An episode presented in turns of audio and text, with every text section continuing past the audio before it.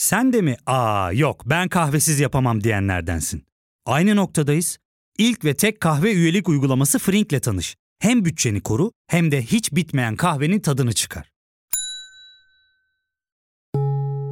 Yakınlarından terapinin onlara ne kadar iyi geldiğini dinlesen de kendin için bir şeylere başlamak zor geliyor olabilir. Ya da sevdiklerine yardım etmeye istekliyken kendi ihtiyaçlarını görebilmek. Hayvel, uzman psikologlarıyla kendi ihtiyaçlarını bulmanda sana destek olacak. Terapi yolculuğuna başlamak için detaylı bilgi bölümün açıklamalarında. Avustralya Savunma Bakanı Sir George Pierce, o gün siyasi yaşamının en tuhaf görüşmesini yapacağının farkındaydı. Koca bir devletin savunma bakanı olarak böyle bir konuyla muhatap olacağına inanamıyordu. Gelin görün ki kendisini bekleyen heyeti geri çeviremezdi. Hepsi savaş gazisiydi. Tarihin en gülünç savunma bakanlarından birisi durumuna düşeceğinin farkında olarak çaresizce sekreterini aradı ve bekleyen heyeti toplantı odasına almasını istedi. Toplantı başladığındaysa direkt konuya girdi. Bu tuhaf duruma daha fazla tahammül etmek istemediğini belli edercesine. Evet beyler, durumun ciddiyetinin farkındayım. Bunun sizler ve tüm Batı Avustralya çiftçileri için bir milli beka meselesi olduğunu görüyorum. Hükümetin asker gönderimi için tezkere çıkartmasını sağlayacağım. Avustralya Savunma Bakanı Sir George Pierce, 18 yıl aradan sonra Avustralya askerlerini yine savaşa gönderecekti. Askerlerin bu sefer gidecekleri yer İngiliz İmparatorluğu'nun çıkarları için daha önce savaştıkları Gelibolu'nun Sarp kayalıkları ya da Kuzey Afrika çölleri değildi. Avustralya ordusu bu sefer emu kuşlarına savaş ilan etmişti. Bilgisel Podcast serisinin yeni bölümünde insanlarla hayvanlar arasındaki bir savaşın hikayesiyle huzurlarınızdayız. Daha net bir ifadeyle 1932 yılının Kasım ve Aralık aylarında Avustralya devleti ile emu kuşları arasında geçen bir savaştan bahsedeceğiz. Burada kullandığımız savaş kelimesini ise mecazi bir anlamda kullanmıyoruz. Evet, gerçekten de Avustralya devletinin bildiğiniz savaş kararı alıp silahlı askerler gönderdiği çeşitli muharebelerden oluşan gerçek bir savaştı bu. Bu sıra dışı hikayeye hazırsanız başlayalım.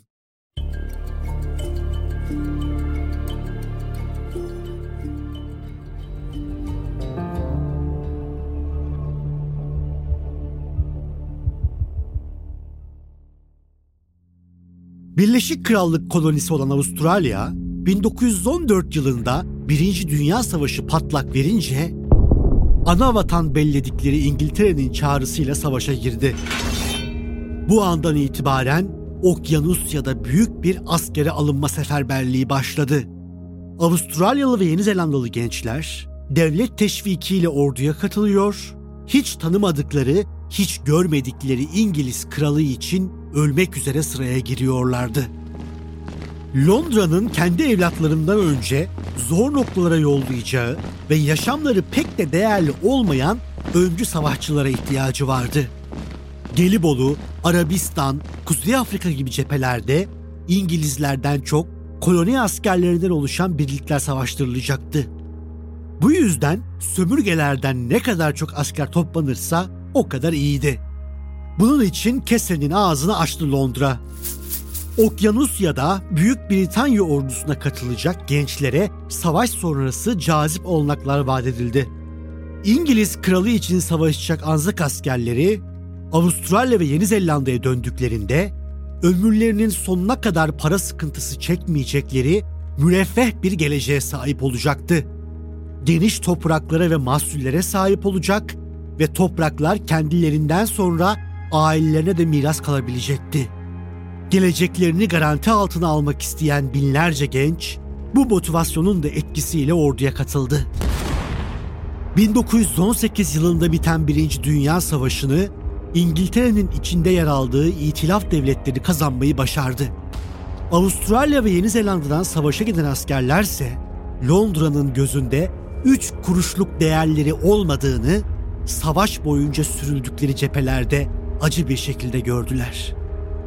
Binlerce Anzak askeri hiç tanımadıkları, bilmedikleri topraklarda İngiliz kralı için öldü. Geri dönmeyi başaranlara ise savaş öncesi vaat edilen verimli araziler tahsis edildi.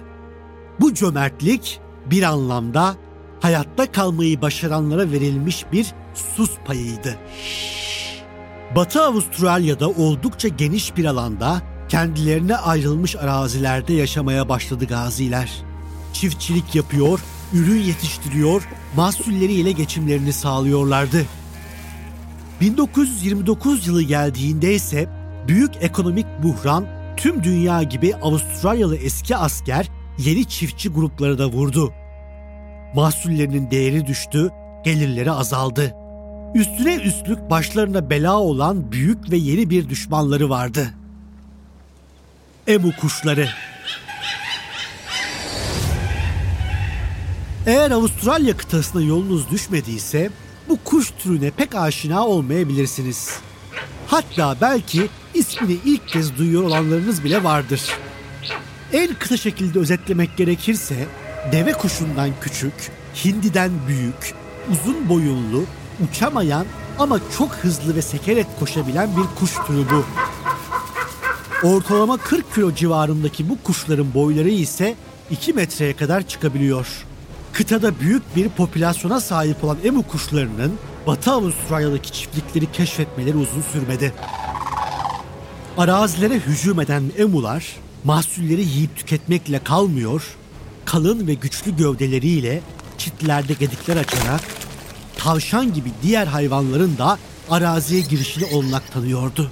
Eski askerler kendi imkanlarıyla emu kuşlarını engellemeye çalışsalar da başarılı olamıyorlardı.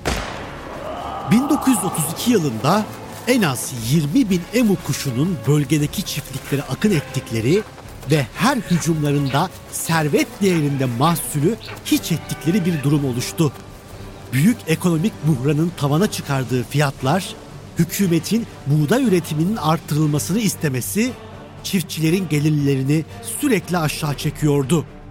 Gençliklerini İngiliz İmparatorluğu için harp meydanlarında geçirmiş gaziler bu duruma karşı örgütlenerek seslerini yükseltti.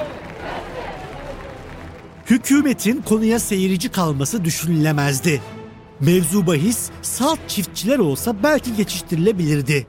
Ancak mağduriyet yaşayanlar sadece 18 sene önce bile bile ölüme yollanmış öfkeli insanlar olunca bu durumun bir çaresine bakmaya karar verdiler. Konu kısa zaman içinde ulusal basına yansıdı ve Savunma Bakanı George Pearson makamına kadar geldi. Batı Avustralya'dan arazi sahibi bir heyet Bakan Pierce'la görüşmek için makamını ziyaret etti. Çiftçilerin hükümetten talepleri oldukça basitti.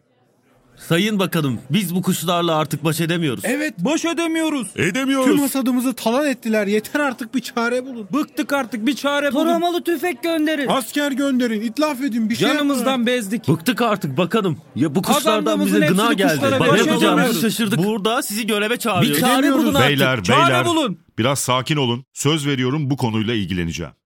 Çoğunluğu eski asker olan çiftçiler doğal olarak makinalı tüfeklerin ne kadar etkili silahlar olduğunu biliyorlardı.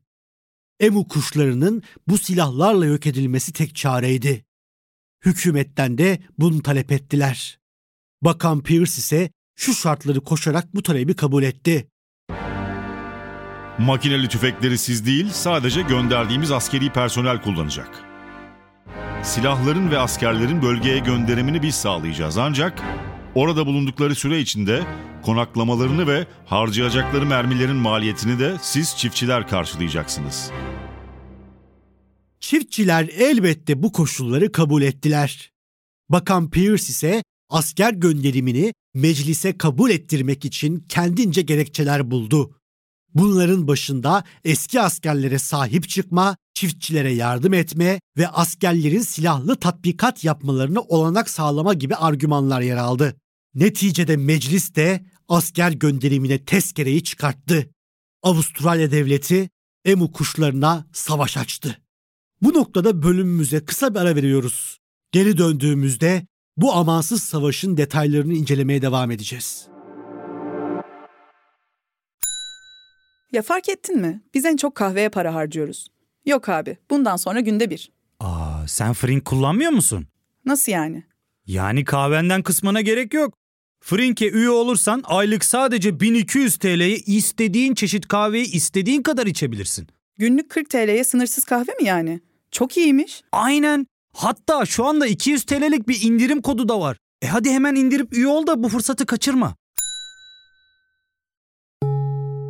Terapiye başlamak, içinden çıkamadığın döngüleri kırmak, bazı yanlış bulduğun kararlarını değiştirmek ve kendinle beraber daha huzurlu bir yaşam inşa etmek için atabileceğin en değerli adımlardan biri.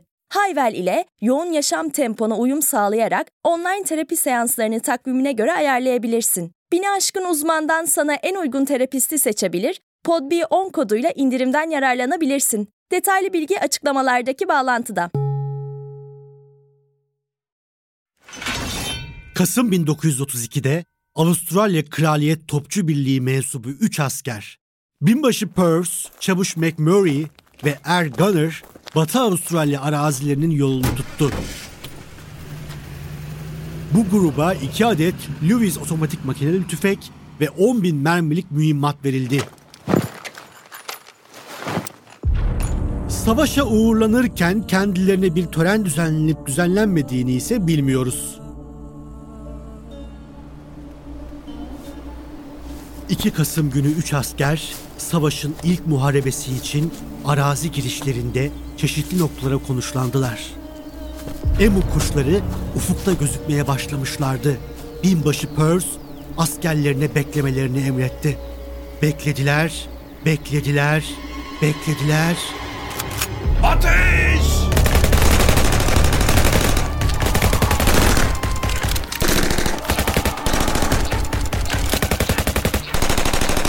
İşte savaş başlamıştı.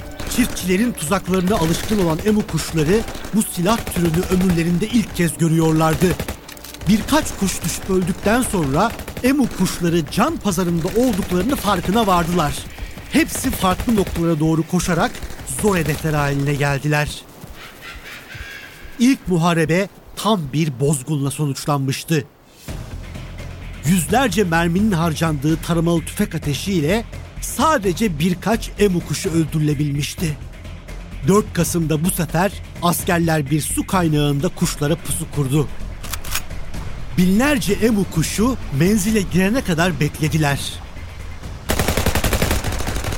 Ancak gelin görün ki bu sefer de ilk ateş başladıktan sonra tüfekler tutukluk yaptı ve kısa zamanda kuşlar kaçmayı başardılar. Üçüncü günün sonunda yalnızca 30 emu kuşu öldürülmüştü. 20 binden fazla kuşun cirit attığı bölgede bu çok düşük bir rakamdı. Askerlerin yetersizliğine kızan çiftçiler daha da hırslanarak kamyonlarla saldırıya dahil oldular. Bir çiftçi kamyonuyla emu kuşuna çarptıktan sonra kaza yapıp devrildi. Emular engebeli arazide kamyonlardan daha hızlıydı ve hiç kuşkusuz yüzyıllardır yaşadıkları bölgeye insanlardan daha hakimlerdi.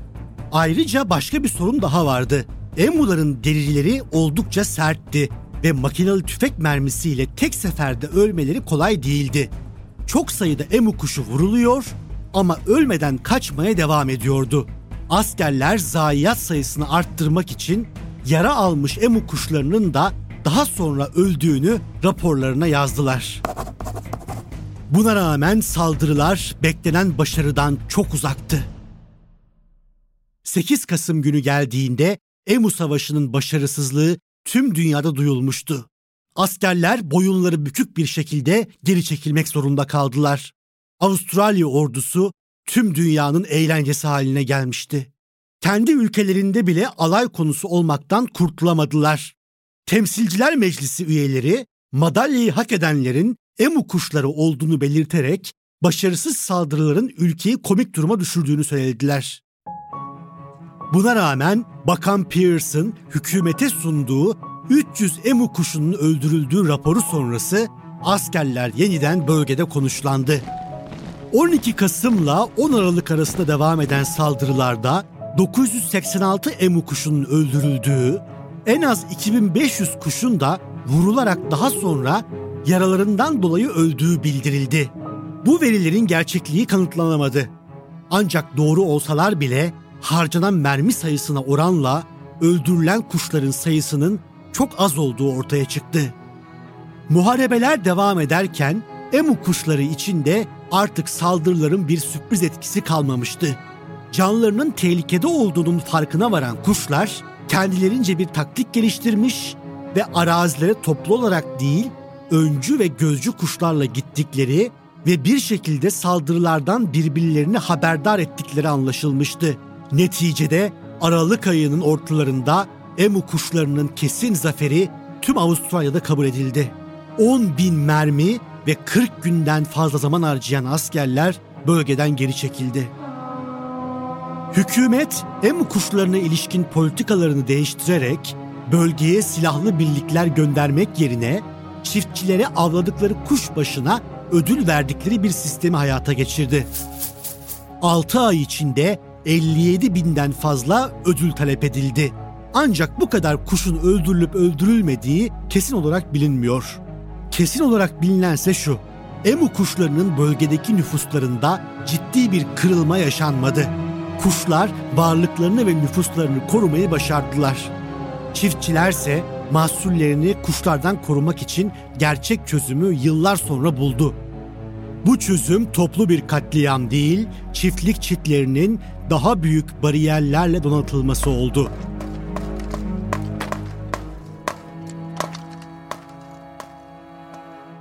Avustralya 1999 yılına kadar emo avcılığını teşvik etmeye devam etti. Bu tarihte çıkan bir kanunla birlikte bu kuş türü koruma altına alındı. Günümüzde Avustralya'da 250 ila 400 bin arası emu kuşunun yaşamaya devam ettiği biliniyor. Avustralyalı savaş gazisi çiftçilerin yenilgi yazgısı emu kuşları ile giriştikleri savaşta da devam etti. Bu sefer Gelibolu'da çıkartma yaptıkları sahillerde Türk topçuların ateşleriyle ölmemişlerdi. Kuzey Afrika çöllerinde helak olmamışlar, Irak'ta Osmanlı birliklerine esir düşmemişlerdi. Lakin bu sefer başlarına gelenler belki de hepsinden daha onur kırıcı oldu. Yüzyıllardır bölgede yaşayan bir kuş türünü silah zoruyla yola getirmek isterken komik duruma düştüler. Bizlere ise bu sıra dışı ve ibretlik savaş hikayesini anlatmak kaldı.